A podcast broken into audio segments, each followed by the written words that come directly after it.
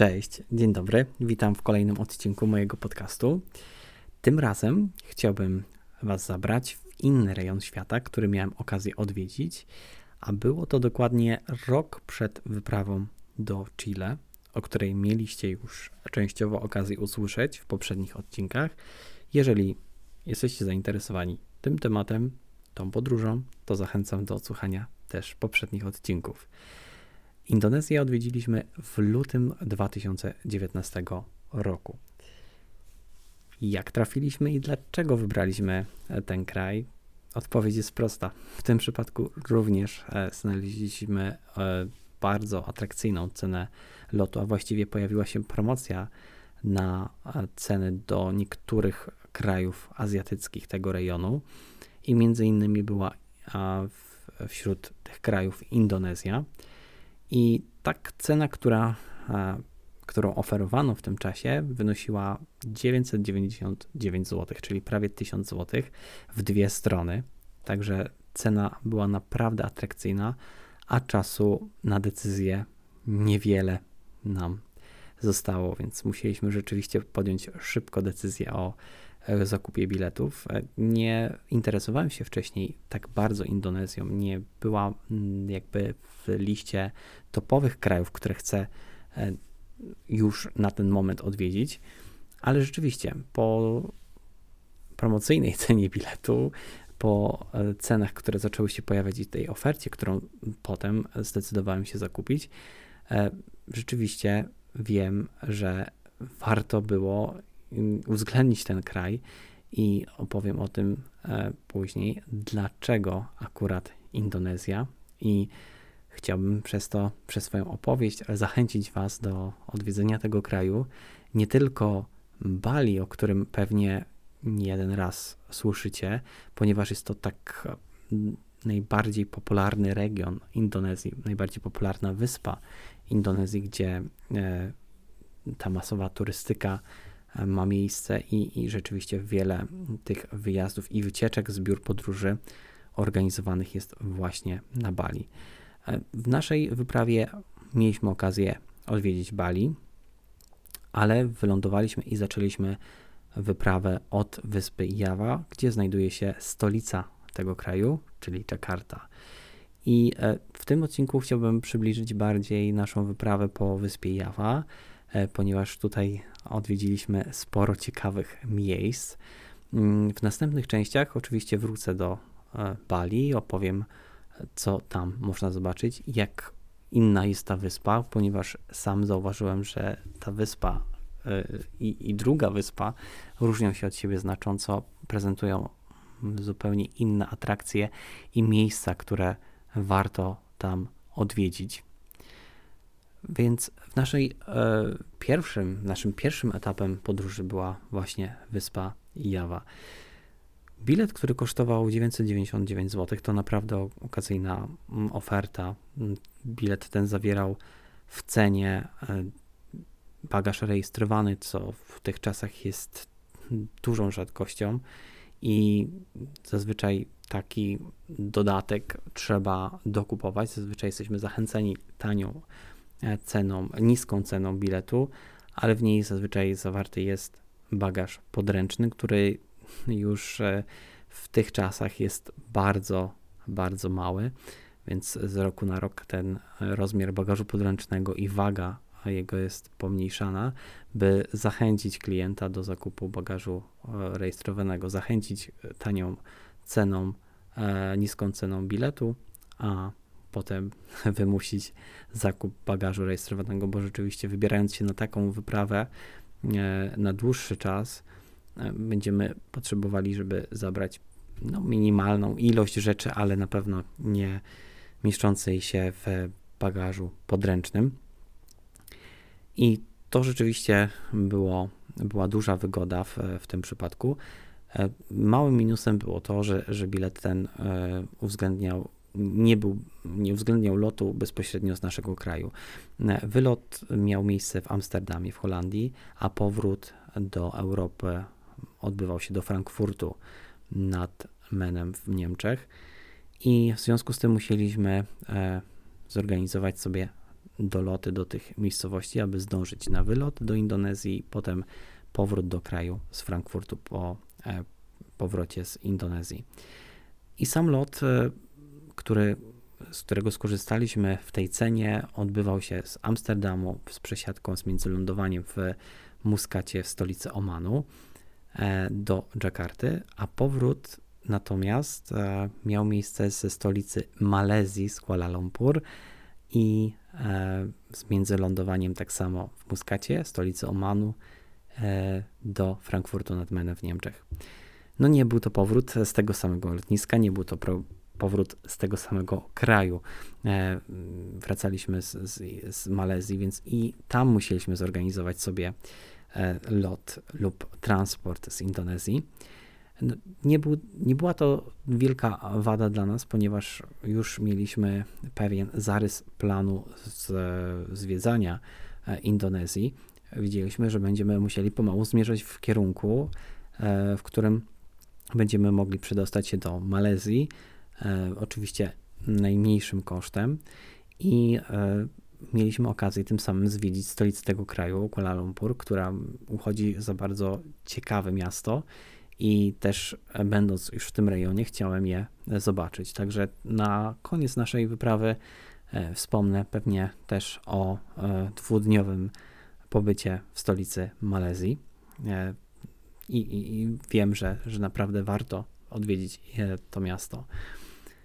E, z dolotami oczywiście udało nam się to zorganizować. Na pomoc przyszły tanie linie lotnicze, które oferowały dosyć okazyjne ceny.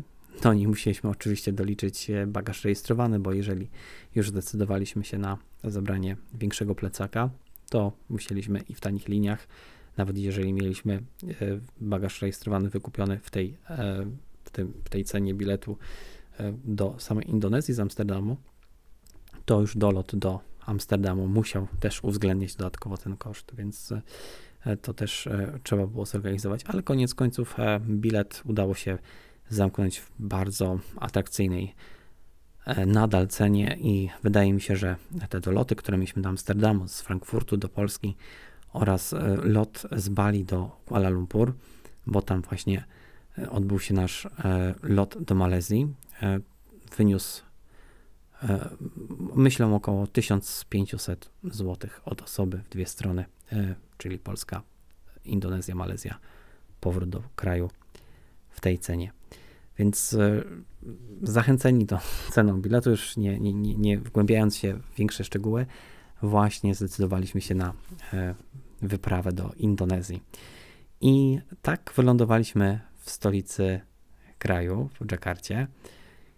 I na naszą wyprawę musieliśmy e, pomyśleć, co będziemy robić w te pierwsze dni po przylocie do Indonezji.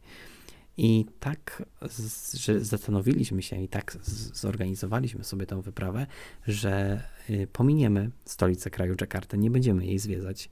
I nie wiedzieliśmy dokładnie, czy, czy, czy zostawać w Dżakarcie, czy, czy warto y, zobaczyć to miasto i co zobaczyć w tym mieście. I rzeczywiście tego nie powiem, bo nie wiem dokładnie, bo nie byłem tam. E, przed naszą wyprawą czytaliśmy wiele przewodników, opinii, e, blogów i, i wiele relacji z wyprawy do Indonezji. I wiele osób e, mówiło o tym, żeby pominąć stolica tego kraju nie jest aż tak bardzo ciekawa, jeżeli mamy ograniczony czas, to mm, nie jest aż to tak ciekawe turystycznie miejsce, żeby tam zostać i na przykład kosztem innych na tej wyspie atrakcji. I tak też zdecydowaliśmy, ustaliliśmy, że po naszym e, przylocie od razu będziemy chcieli przedostać się do miejscowości Yogyakarta, która znajduje się na południu wyspy Jawa. E, dlatego tam, ponieważ znajduje się w okolicy dwóch popularnych świątyń, świątyni hinduskiej Prambanan oraz e, buddyjskiej Borobudur, e, które są często widoczne na zdjęciach, widokówkach z Indonezji, mają niesamowity charakter budowli i rzeczywiście chcieliśmy to zobaczyć w pierwszej kolejności, będąc na tej wyspie. Dlatego musieliśmy podjąć decyzję, jak dostać się z, Jakarty do Yogyakarty. Ponieważ ta odległość między tymi miastami nie była aż tak mała, a nie chcieliśmy nocować w Dżakarcie. I tak zdecydowaliśmy, że początkowo myśleliśmy, że mm, wykupimy bilet na tanich linii lotniczych indonezyjskich, aby dostać się w miarę szybko do Yogyakarty zaraz po przylocie. Nasza podróż, sama podróż do Indonezji z Polski wynosiła około 16 godzin. Nie wliczam tutaj tego czasu oczekiwania na lotnisku w Muskacie, gdzie byliśmy 4 godziny, więc to jest około 20 godzin podróży. No i po powrocie mieliśmy od razu, e, a lądowaliśmy około godziny 13 tamtejszego czasu, mieliśmy od razu przedostać się do Yogyakarty. W ostateczności zrezygnowaliśmy z kupowania kolejnych biletów lotniczych e, i zdecydowaliśmy się na coś, co e, wydawało nam się kolejną atrakcją w tej podróży. Mm, podróż pociągiem, indonezyjskim pociągiem ze stolicy kraju do Yogyakarty. I zauważyliśmy od razu, że ceny biletów e, kolejowych są bardzo niskie e, i, i łatwo je można było zakupić już u nas w kraju, ponieważ sprzedaż dostępna jest e, w internecie, można zakupić taki bilet internetowy na stronie ticket.com i, i ticket pisane tak jak mówię bez nie angielski, tylko, tylko normalnie tak jak słyszymy, tak piszemy ticket.com i tam są właśnie dostępne, dostępne do zakupu bilety na indonezyjską kolej. No i rzeczywiście y, y, podróż y, tak miała się opierać na, na, na, podróży pociągiem ze stolicy kraju i od razu po wylądowaniu na lotnisku przeszliśmy kontrolę paszportową. Warto tutaj wspomnieć, że do Indonezji podróżujemy bez wiz. E, w momencie, kiedy to mówię, oczywiście sytuacja jest troszkę inna, ponieważ e, panuje pandemia koronawirusa i nie ma możliwości e, wjechania turystycznie na tą chwilę do, do Indonezji, więc oczywiście liczę, że kiedy będziemy od tego słuchać lub będziemy planować naszą podróż, to, to wróci to do starszych zasad i będzie możliwość e, normalnego wjazdu do tego kraju. I tak jak wspomniałem, e, normalnie odbywa się ta podróż bez wizy, wystarczy okazać ważny paszport gdzie zostanie nam wbita pieczątka z datą, godziną wjazdu i, i przewidywaną datą wyjazdu. I bez żadnych tutaj utrudnień, jeżeli chodzi o polski paszport. Po, po, po wyjściu z lotniska udaliśmy się w sumie do e, taksówki, ponieważ musieliśmy zdążyć na e, pociąg, który odjeżdżał za około e, dwie godziny od przylotu. E, do Yogyakarty, więc chcieliśmy zdążyć na ten pociąg. Oczywiście przy samym wejściu na lotnisko będą atakować was naciągacze, które, którzy będą oferować swój transport, więc z tym się na pewno nie opędzicie tak szybko. E, w Indonezji, w Dżakarcie ogólnie działa e, Uber, ale zauważyłem, że bardziej powszechna jest tam aplikacja Grab, która jest identyczna i działa w bardzo zbliżony sposób jak Uber, więc jeżeli będziecie chcieli skorzystać, a będziecie mieli zasięg tej mm, internetu w danym miejscu, to możecie mm, ściągnąć tą aplikację, nazywa się Grab, a z obsługą, jeżeli znacie Ubera, nie powinniście mieć żadnych problemów. My udaliśmy się taksówką, raczej zmuszeni troszeczkę do tej sytuacji, e, bo nie chcieliśmy się spóźnić na pociąg, na który bilet mieliśmy już kupiony. Na samej stacji oczywiście mieliśmy pierwsze takie prawdziwe spotkanie z Indonezją. Czuliśmy wzrok innych ludzi na sobie, ponieważ nasz kolor skóry bardzo wyróżniał się wśród e, tłumu na dworcu i e, zwracaliśmy mm, uwagę na nas, ale oczywiście nie, nie spotkaliśmy się w ogóle absolutnie z e, negatywnym odbiorem.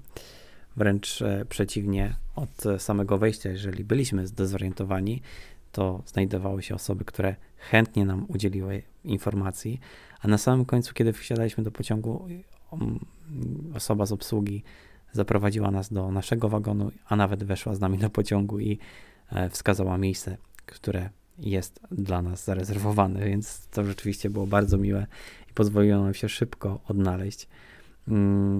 Sama podróż pociągiem, tak jak wspomniałem, nie, nie była e, trudna do zorganizowania. Bilety można kupić przez internet. Jedyną rzeczą, którą nie przemyśleliśmy, to po przylocie na miejsce, po 16-godzinnym locie, a w sumie 20-godzinnej podróży, byliśmy oczywiście zmęczeni, a podróż pociągiem wynosiła ponad 8 godzin, prawie 9 godzin, więc o godziny 15, jak wyjechaliśmy, byliśmy w samej Jogjakarcie bardzo późno, to była noc na pewno i ta, ta podróż pociągiem była bardzo, bardzo męcząca, jeżeli e, byliśmy już po tak długiej podróży, więc pod tym względem troszeczkę nie przemyśleliśmy tego, ale warto wspomnieć o tym, jak wygląda ten indonezyjski pociąg, jak możemy sobie wyobrażać w Indonezji podróż koleją.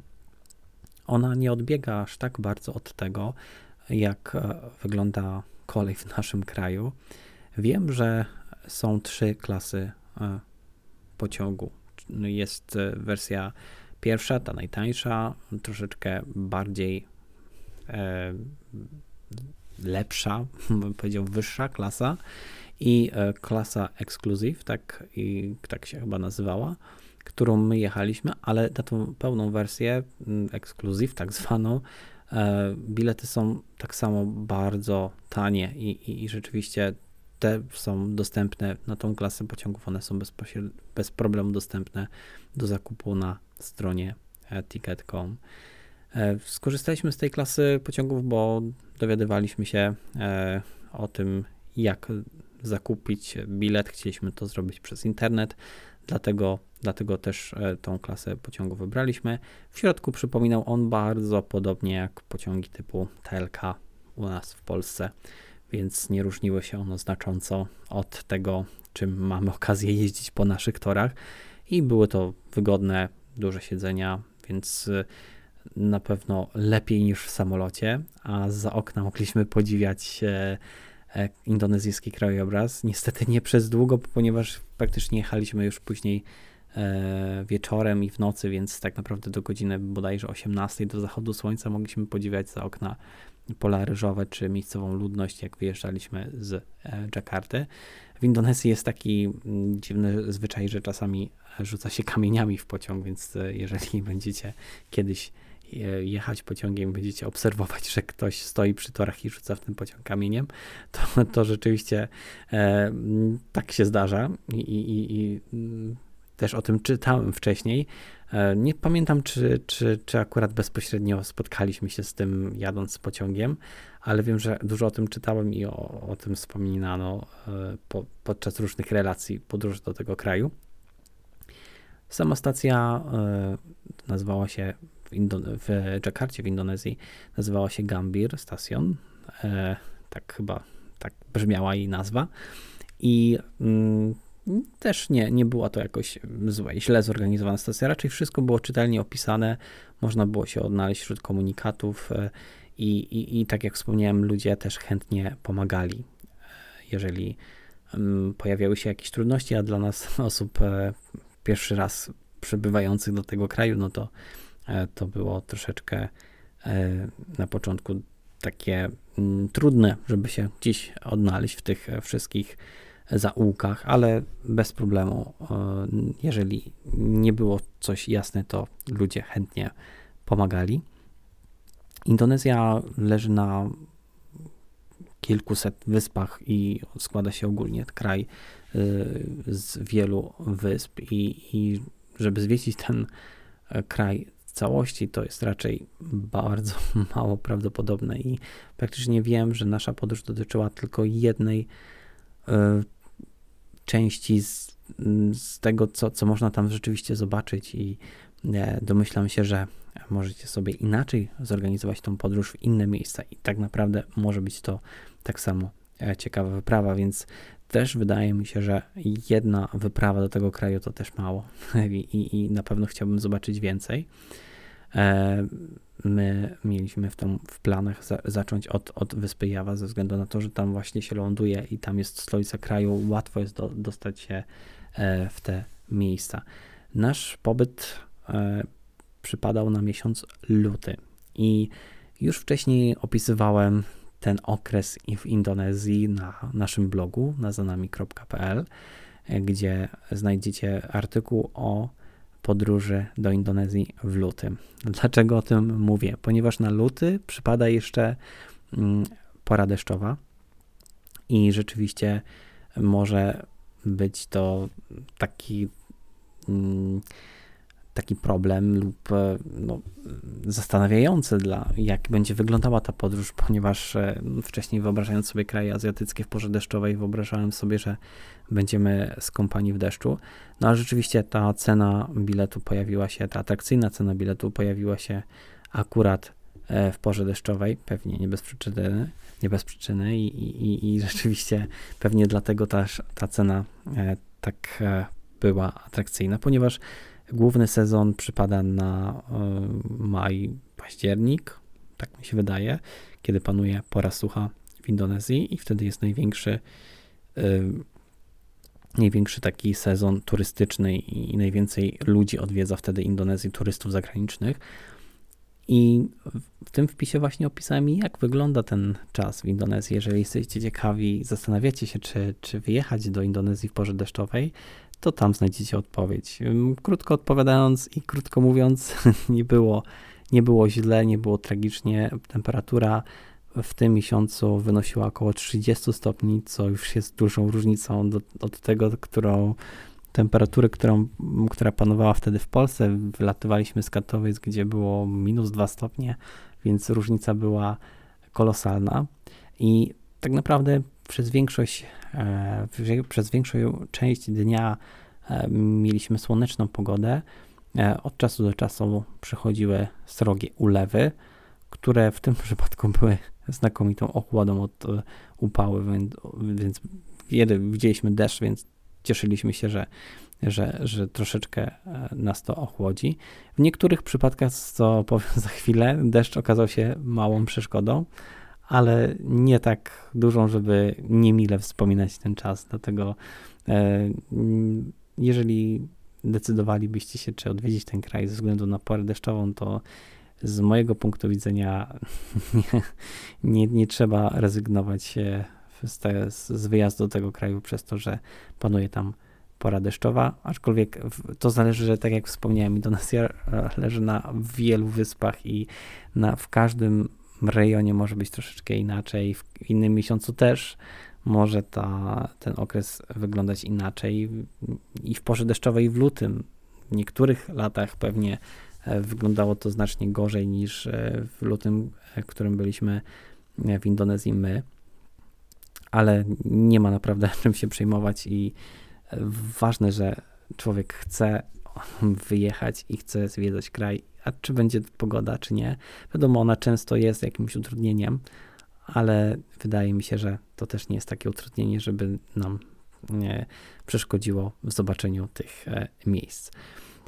A nasza podróż pociągiem mm, odbyła się bardzo spokojnie i, i, dotarliśmy na miejsce do Yogyakarty późną nocą. Tam Akurat nasz nocleg znajdował się tuż przy dworcu, więc mogliśmy przejść nocą przez e, to miasto. E, to był dosłownie kawałek do, do, do naszego miejsca noclegowego i tam w sumie zasnęliśmy dopiero około godziny czwartej nad ranem, a budziki mieliśmy ustawione już na godzinę ósmą rano, ponieważ zależało nam na tym, żeby obudzić się wraz z e, lokalnym czasem, żeby później nie mieć większego problemu z jetlagiem. Od razu chcieliśmy się przestawić na czas lokalny. No i tak e, nasza noc była bardzo krótka, więc nie wypoczęliśmy. Rano zjedliśmy śniadanie i spróbowaliśmy ogarnąć e, te podstawowe rzeczy, zdecydować, co konkretnie chcemy zobaczyć. Mieliśmy pewne punkty wypisane, co można i co warto zobaczyć na wyspie Java w Indonezji. I, i, I tak chcieliśmy sobie dodać do naszej listy. Mieliśmy na to kilka dni, ponieważ na całą wyprawę planowaliśmy dwa tygodnie, bo tyle mogliśmy sobie pozwolić, a mieliśmy jeszcze odwiedzić Bali a, i Malezję, stolicę kraju Kuala Lumpur, więc to wszystko musieliśmy spiąć w czasie, dostosować do transportów i lotów, które, które wcześniej zakupiliśmy szczególnie tego lotu powrotnego, bo ten mieliśmy już wcześniej zakupiony. I w pierwszej kolejności, od czego warto zacząć przy pobycie w Indonezji, to wymiana waluty. Przed wyjazdem zaczytywałem się w informacjach, jaką walutę zabrać ze sobą, czy dolary, czy funty, czy euro. W ostateczności, tak jak przeczytałem, opłaca się zabrać ze sobą euro i taką walutę ze sobą zabraliśmy, ze względu na to, że nie były problemy z wymianą, nie, nie obserwowano banknotów, jakiej, e, z jakiego roku pochodzą i, i nie odrzucano starszych e, banknotów, więc euro jest dosyć młodą walutą, więc tam raczej to przechodziło bez problemów. A w samej Yogyakarcie wybraliśmy kantor na podstawie opinii w internecie i przewodników i, i, różnych ludzi, którzy byli tam i polecali dane miejsce, więc też i Wam polecam, jeżeli zastanawiacie się, gdzie, e, gdzie, gdzie, gdzie e, wymienić walutę, którą posiadacie, którą przywieźliście z Polski, e, przeczytanie opinii w internecie i na podstawie tych relacji wybrać odpowiednie miejsce. I tak też zrobiliśmy my. Poszliśmy i wymieniliśmy e, walutę na miejscową e, rupię indonezyjską. E, I tak mieliśmy ze sobą gotówkę już gotowi do odwiedzenia kolejnych miejsc. Po drodze oczywiście przykuwamy ogromną uwagę ludzi, ponieważ różnimy się, jak już wspomniałem, kolorem skóry. E, wiele osób chce sobie z nami robić zdjęcie, inni próbują nam sprzedać produkty i zaskakująco są skuteczni. W pewnym momencie nie wiedziałem, jak się stało, że mm, oczywiście grzecznie odmawiałem, ale e, wraz znalazłem się w środku jakiegoś sklepu, a sprzedawca niósł już herbatkę, a ja trzymałem produkt w ręce, więc to, to było zaskakujące, jak i kiedy to się stało. Więc ostatecznie udało mi się z tego e, wydobyć i, i, i, zrezygnować z dalszych e, zakupów, ponieważ nie miałem w planach e, kupowania rzeczy, których nie będę w stanie ze sobą zabrać do kraju. E, i, I rzeczywiście ten marketing tam królował i był niesamowicie wpływowy na mnie przynajmniej, więc e, uważajcie.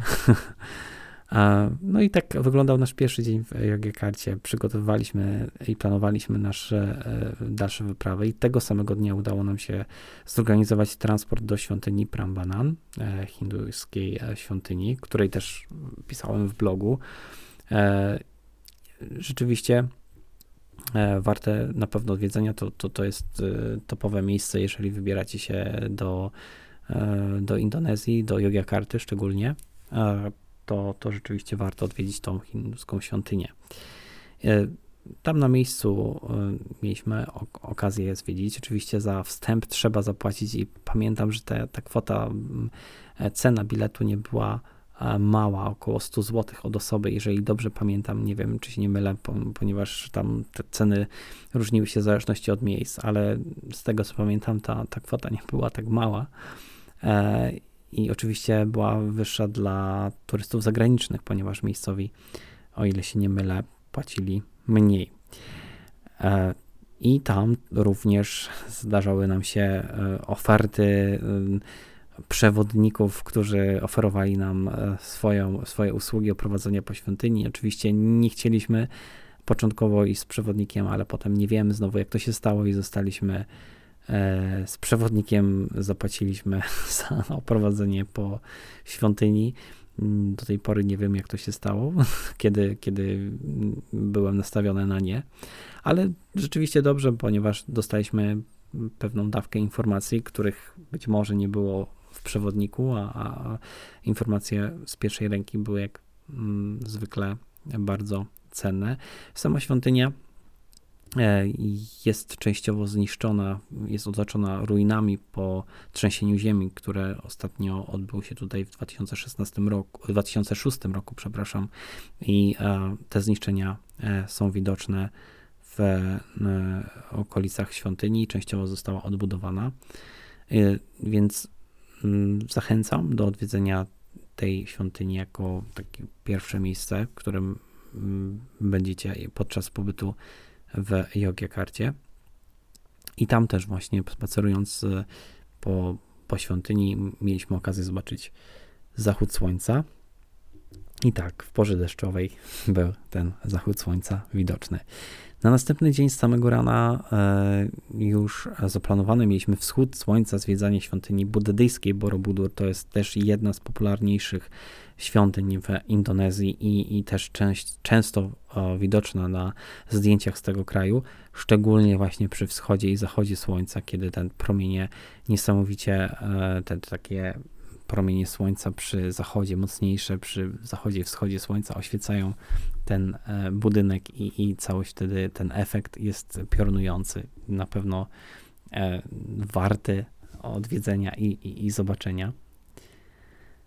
I tak ten plan wyglądał na najbliższy następny dzień. To już był taki plan, który obraliśmy z całością zwiedzania wyspy Jawa. Po powrocie z, ze świątyni Prambanan szukaliśmy miejsc, agencji, które oferują jakikolwiek transport, abyśmy mogli się dostać w te miejsca. Oczywiście przechodząc ulicami Jogjakarty znajdziecie wiele biur turystycznych, wiele agencji oferujących transport, zwiedzanie, przewodników, co tylko chcecie.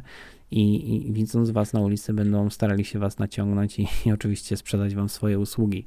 Staraliśmy się mniej więcej sugerować e, opiniami, przewodnikami, tym, co znaleźliśmy w internecie przed wyjazdem i znaleźć tą właściwą, ponieważ no, tutaj e, było wiele firm i e, oferowały różne usługi w różnych jakościach. Koniec końców znowu zostaliśmy niesamowicie naciągnięci przez jakieś biuro, też nieświadomi troszeczkę jak to się stało i, i zakupiliśmy taki transport dojazdu, który zakładał dowiezienie nas e, końcowo do, e, na prom, który przeprawi nas do, na wyspę Bali i, i dowiezie autobusem e, z, z portu na Bali do miejsca noclegowego, które mieliśmy później już zaplanowane w miejscowości Ubud. Ale sam plan naszego zwiedzania wyspy, który ustaliliśmy, miał uwzględniać świątynię Prambanan, świątynię buddyjską Borobudur w okolicach Yogyakarty, a następnie w planach mieliśmy dwa wulkany, wulkan Bromo i wulkan Ijen. E, Indonezja słynie z wielu aktywnych wulkanów i, i, wybierając się do tego kraju, nie chcieliśmy pominąć te miejsca. Bardzo chcieliśmy zobaczyć e, wulkan, wejść na, e, na niego i nie miałem nigdy okazji wcześniej odwiedzić wulkanów, dlatego byłem bardzo podekscytowany tym wyjazdem i chciałem e, zobaczyć właśnie ten wulkan, głównie na wyspie Jawa.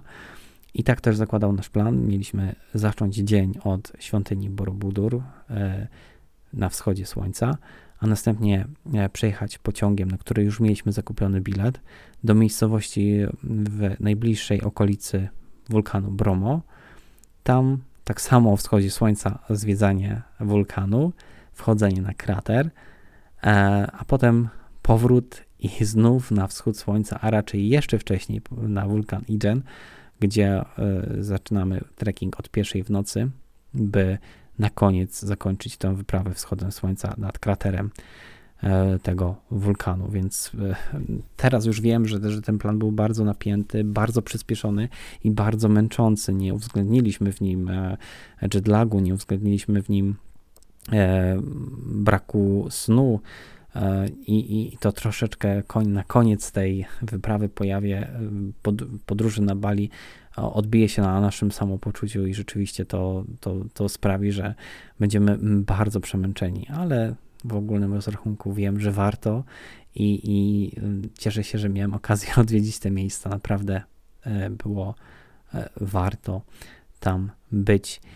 I e, świątynia Borobudur, której wspominałem na wschodzie słońca, na które dotarliśmy około, wydaje mi się, 4-5 rano, tutaj nas zaskoczyła. Oczywiście wstęp był szalenie drogi, jak na indonezyjskie warunki, i zapłaciliśmy oczywiście wyższą kwotę przez to, że wchodziliśmy do świątyni w e, czasie wschodu słońca, co jest dodatkowo płatne.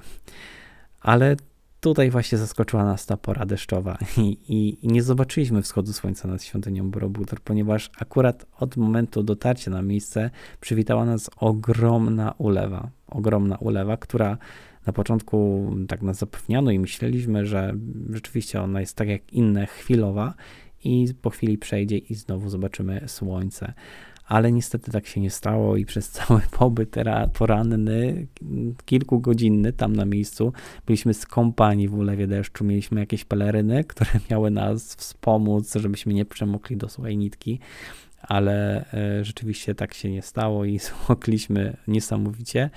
I e, to, to rzeczywiście nie był ten urok z widokówek, to nie, był, nie było to, co na pocztówkach, te, te pięknie oświetlone, e, ten piękny oświetlony budynek świątyni, ale i tak uważam to za świetne miejsce. Pierwszy raz byłem w e, świątyni buddyjskiej i, i rzeczywiście ta e, prezentowała się niesamowicie nawet w tym deszczu i wiem, że warto. Może jeżeli będziecie tam podróżować w porze suchej i, i, i, będziecie pewni słońca, to jak najbardziej można dopłacić i zobaczyć, żeby zrobić sobie nawet zdjęcie w, w tej scenerii ale jeżeli nie będziecie tam w porze suchej albo będziecie i nie będziecie chcieli tracić tyle pieniędzy, to i tak warto odwiedzić to miejsce poza tymi godzinami szczytowymi. Wydaje mi się, że poza tymi szczytowymi godzinami będzie też i mniej turystów, więc będzie e, więcej spokoju. W naszym przypadku e, nie był to szczyt e, tej turystyki, która przypada na porę suchą, więc nie było aż tak dużo ludzi, więc i tak mieliśmy możliwość spacerowania po świątyni bez tłumów i skąpani oczywiście w deszczu, więc zdjęcia nie były ze słońcem, ale w pelerynach przeciwdeszczowych, ale i też było zabawnie. Słońce akurat wyszło w momencie, kiedy wsiedliśmy do pojazdu, do, do który nas miał dowieść do dworca kolejowego, gdzie czekał na nas pociąg, czy gdzie mieliśmy my czekać na pociąg, e, który miał nas dowieść na następne miejsce, do, na wulkan Bromo. I tak rzeczywiście się stało, że w momencie jak wsiedliśmy do samochodu, to słońce wyszło i za chwilę zaczęło grzać niesamowicie. I upał był i dzięki temu szybko wyschliśmy z tego całego zmoczenia w świątyni. Więc e, takie szczęście, nieszczęściu, ale, ale tak naprawdę e, warto było i, i jest to wspominać rzeczywiście ta, ta, ta wizyta w świątyni nam bardzo utkwiła w pamięci. E, więc to tak właśnie wygląda w porze deszczowej, że czasami możemy mieć piękną pogodę, w ogóle bez kropli deszczu, a czasami po prostu w najmniej odpowiednim momencie przyjdzie deszcz i nie będziemy mieli tego słońca. Na wulkan Bromo tak samo dojechaliśmy dosyć późnym wieczorem, ponieważ pociągiem jechaliśmy znowu kilka godzin. Później musieliśmy dojechać do noclegu. E, jak już dotarliśmy na miejsce noclegowe przy wulkanie Bromo już było bardzo późno, więc praktycznie zjedliśmy kolację i poszliśmy spać. E, I tak właśnie wyglądał nasz dzień po zwiedzaniu świątyni Borobudur. Rano mieliśmy zacząć zwiedzanie e, wulkanu od e, wschodu słońca, znowu wschodu słońca, czyli co chwilę nas czekały wschody słońca, które mogły się odbyć lub nie, ale w tym przypadku rzeczywiście zostaliśmy wynagrodzeni przez Matkę Naturę i e, rano, jak wyruszyliśmy, pobudka była bodajże o trzeciej nad ranem, znowu bardzo wcześnie. Wyruszyliśmy właśnie w kierunku wulkanu e, Bromo na taki, znaleźliśmy punkty widokowe, gdzie gdzie y, mieliśmy widok na wulkan, gdzie mieliśmy mieć widok na wulkan i e, czekaliśmy w ciemnościach na, na wschód słońca, ponieważ nie widzieliśmy jeszcze nic praktycznie, ponieważ było ciemno. No i tutaj rzeczywiście Matka Natura nas wynagrodziła za ten ulewny dzień poprzedniego dnia i przed nami e, okazał się piękny wschód słońca nad wulkanem Bromo. I tak samo jak e, szukacie informacji o Indonezji, to tak naprawdę zobaczycie też jednym z czołowych zdjęć to będzie widok na wulkan Bromo o wschodzie słońca. I e, to naprawdę jest warte zobaczenia. E, I e, coś niesamowitego. Wschód słońca nie trwa długo, ale jest warte przeżycia tej chwili, więc rzeczywiście, jeżeli się zastanawiacie, to naprawdę warto. Sam wulkan Bromo jest wciąż aktywnym wulkanem i rzeczywiście to, to, to widać i, jak z tego, co do, dowiadywałem się w ostatnich latach, nawet e, ostatnia erupcja była w roku 2004, jeżeli dobrze pamiętam, i zginęły dwie osoby. Jest tu mnie odwiedzany, ponieważ jest bardzo popularnym miejscem na, e, na wyspie Jawa e, i rzeczywiście ten wschód słońca przyciąga rzeszy turystów. No a potem po wschodzie słońca ruszyliśmy właśnie na sam krater tego wulkanu. I, I, tam zobaczyliśmy, że już e, w tym okresie było sporo turystów, szczególnie tych lokalnych turystów, i, i, i widać było ten tłum kroczący w kierunku krateru do góry. E, trasa troszkę jak na por, nasze polskie morskie oko.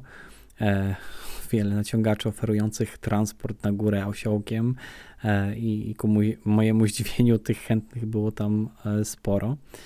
I, ale rzeczywiście, nie zważając na to, już e, szliśmy w tym kierunku, weszliśmy na górę i rzeczywiście kolejny raz przed nami e, niesamowity E, widok i dźwięk e, tego huczącego wulkanu, dymiącego wulkanu e, i, i, i dookoła tak, ta, taka pustka w okolicach całego wulkanu Bromo. Więc rzeczywiście to, to, to było niesamowite przeżycie i też warte, warte zobaczenia. Dlatego bardzo miło wspominam ten czas. E, widać było, że ten wulkan jest aktywny, więc on w każdym momencie mógł nawet mm, e, wybuchnąć, czy, czy mogło dojść do jakiejś erupcji, ale no, tak się może zdarzyć wszędzie. E, mimo tego turystów tam było sporo. I tak wyglądał nasz dzień. Jak wróciliśmy na miejsce noclegowe, tak zauważyliśmy, że mieliśmy niesamowity widok na wulkan z okna naszego pokoju bo mm, tak naprawdę przyjechaliśmy tam w nocy, więc nie widzieliśmy tego, że jesteśmy praktycznie przy samym wulkanie, mm, więc to też takie dodatkowe e, miłe zaskoczenie. I tak nie było więcej czasu, mogliśmy tylko zjeść posiłek i musieliśmy znowu ruszać na kolejne miejsce, to był wulkan Ijen, który e, znajdował się e, w sumie nie aż tak daleko, ale też kilka godzin jechaliśmy. E, tam mieliśmy załatwiony właśnie transport w to miejsce. I tak samo dojechaliśmy tam pod wieczór i, i mieliśmy już zarezerwowany nocleg i mieliśmy w tym razem jeszcze bardziej krótszy sen, ponieważ pobudka była o północy, a między godziną pierwszą a drugą musieliśmy rozpocząć trekking na ten wulkan. Dlaczego tak wcześnie w nocy? Bo e, chcieliśmy zejść do krateru w dół, ponieważ tak właśnie wygląda e, pierwszy etap wyprawy, e, by zobaczyć e, tak zwany niebieski płomień Blue Fire, który jest właśnie w nocy widoczny. E, I ten e, właśnie niebieski płomień jest dostępny tam na dole krateru. Po dotarciu na miejsce należy mieć zwanego przewodnika, czyli lokalną osobę, która zna trasę, zna drogę i, i, jest w stanie nas w tych ciemnościach doprowadzić na miejsce. Oczywiście, jeżeli planujecie tam podróż, to, to niezbędne będzie latarka, najlepiej czołówka oraz y, y, maski gazowe, ponieważ y, na dole mm, wydobywają się silnie trujące gazy y, i no, nie ułatwiają, nie jest, niełatwo się oddycha, nawet, nawet w masce, jak dobrze pamiętam. Dlatego, jeżeli nie macie swojej, oczywiście ten przewodnik tam osoba, która was tam dowozi, raczej powinna mieć takie e, maski do wypożyczenia, więc można z nich e, tam skorzystać. Oczywiście ich używać będziecie już raczej będąc tam na dole, tam w początkowej trasie nie będziecie potrzebować tego. To bardziej jak już zejdziecie na dół. Trasa nie jest łatwa, tak mi się wydawało. Na początku nie, nie, nie, nie było łatwo, tak szczególnie po ciemku, w zmęczeniu, przejść e, tam tą trasą wyznaczoną, którą szliśmy, ale po drodze mijaliśmy lokalnych robotników, którzy e, prowadzili morderczą pracę, tak bym to nazwał. Schodzili w dół krateru tego wulkanu e, i wydobywali odłamki siarki. Te potem nakładali na specjalne kosze, które e, potem usadawiali na swoje plecy i tak ten ciężar wnosili do góry. E, zarobek z tego podobno jest bardzo niewielki e, i w tych koszach bez masek musieli dźwigać ten ciężar, wchodząc na górę. Widać było u nich tą morderczą, ciężką pracę i pewnie niekorzystną dla ich zdrowia, więc idąc tam, mijając tych robotników, naprawdę przestał człowiek mieć e, takie myśli, że ta trasa jest trudna, niełatwa. Tak naprawdę ci ludzie mieli naprawdę trudną trasę niż ta nasza jedna krótka wyprawa. I będąc tam, schodząc na dół, byliśmy cały czas w ciemnościach, ale mogliśmy zobaczyć ten słynny niebieski opłomień, Blue Fire. I, I, zdjęcia z tego miejsca możecie zobaczyć już na, na blogu zanami.pl. Tam, tam, tam jest zdjęcie właśnie z tego niebieskiego płomienia. No i rzeczywiście warto i, i jest to takie niesamowite, niesamowite też przeżycie i nowe było dla mnie. Po, po, po zejściu na miejsce i zobaczeniu tego, co mieliśmy zobaczyć, czyli ten, ten niebieski płomień, e, wchodziliśmy z powrotem do góry. To było w miejsce, gdzie, gdzie jest taki mm, punkt widokowy, gdzie oczekiwaliśmy na wschód słońca i, i tam właśnie mieliśmy zobaczyć widok e, na ten krater. Dopiero jak się rozjaśniało i przychodził dzień, zauważyliśmy, gdzie my konkretnie byliśmy i troszeczkę byłem przerażony, że byłem aż tam na dole krateru, ale widok jest niesamowity, jest to potęga natury i, i warto ja się tam wybrać, nawet nie żałowałem te, tego zmęczenia, a to, tam już odczuwałem to zmęczenie niesamowicie po kilku dniach a, krótkiego snu, e, wczesnego wstawania i jeszcze dodatkowo trekkingu pod górę. E, to, to nie było w ogóle teraz problemem. To, to już nie było zmartwieniem, to rzeczywiście trzeba zobaczyć. Nie da się tego opisać. E, więc na pewno wybierając się na wyspę Jawa, byłbym nawet w stanie zrezygnować ze świątyń, ale te dwa wulkany wiem, że warto zobaczyć, szczególnie dla osoby, która nigdy nie, nie, nie, nie widziała wulkanu, nie miała okazji wchodzić na, e, na wulkan, to, to rzeczywiście może być atrakcja, szczególnie wulkan Ijen, e, zobaczenie tego niebieskiego płomienia i potem ten widok na cały krater. Też zdjęcie z tego miejsca znajdziecie na blogu, dlatego polecam, jeżeli planujecie wyprawę do Indonezji w najbliższej przyszłości, to, to ja proponowałbym odwiedzenie nawet kosztem pominięcia, oczywiście w pierwszej kolejności pominięcie stolicy tego kraju, Dżakarty, aczkolwiek też ciężko jest mi się wypowiedzieć, mówię słowami innych, ponieważ ja e, pominąłem stolicę i, i nie, nie, widziałem jej, więc ciężko jest mi ocenić, czy dobrze zrobiłem, czy nie. Być może ktoś z Was e, był w Dżakarcie i jest w stanie mi powiedzieć, czy coś mnie ominęło, czy nie. Oczywiście widziałem i miasto gdzieś w odległości z dworca kolejowego. E, byłbym nawet w stanie pominąć świątynię, aczkolwiek wiem i, i, i byłem bardzo zachwycony, byłem w nich pierwszy raz w tego typu świątyniach, ale wulkany to była też niesamowita podróż i, i rzeczywiście powtórzyłbym to jeszcze raz, żeby móc tam w tym miejscu się znaleźć ponownie. I to był e, pomału koniec naszej wyprawy do, na wyspie Jawa i zmierzaliśmy zaraz po, po tym, jak udało nam się wrócić się e, z wulkanu Ijen. E, musieliśmy wyruszyć w kierunku portu, e, który mógł nas przeprawić na wyspę Bali, gdzie planowaliśmy dalszą część naszej podróży po Indonezji.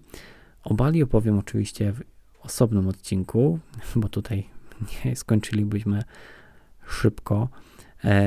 To jest kolejne miejsce, które jest popularne i jest odwiedzone przez masową turystykę, ale e, też ma wiele do zaoferowania i jest też odmienne od e, Jawy, od wyspy, którą mm, dzisiaj opisywałem. To, są, to jest ten sam kraj, dwie różne wyspy i, i według mnie troszeczkę dwa różne światy. Dlatego i Bali, i Jawa to tak jakbyśmy odwiedzili dwa różne kraje po części, tak mi się wydaje. Po dotarciu na Bali e, mieliśmy okazję troszeczkę odpocząć, odespać i e, byliśmy naprawdę tym faktem przemęczeni. Podróż nie była też łatwa, ponieważ e, jechaliśmy po Bali autobusem, o którym też później opowiem. E, lokalnym kierowcom i ta podróż była bardzo taka ekspresowa, mówiąc, mówiąc krótko, ale o tym też opowiem w następnym odcinku. Mam nadzieję, że moja relacja z podróży po Indonezji Wam się spodobała. Mam nadzieję, że zachęciła Was trochę do odwiedzenia tego kraju i poszukiwania tanich okazji lotów, które mam nadzieję już niedługo będą możliwe i będziemy mogli łatwo podróżować. Taką mam też nadzieję, bo sam opowiadając tą historię, wracam wspomnieniami do tych czasów, wracam do możliwości i łatwości w podróżowaniu i tym samym e, troszeczkę pocieszę się i, i wspominam e, te, te chwile, dlatego mam nadzieję, że ja będę już w stanie niebawem wyruszyć w kolejne miejsce. Jeżeli macie pytania a, lub uwagi, to zachęcam do pisania na nasz adres mailowy infomałpazanami.pl oraz odwiedzania bloga zanami.pl. To wszystko na dzisiaj. Dziękuję za odsłuchanie i zapraszam do słuchania kolejnych części. Cześć.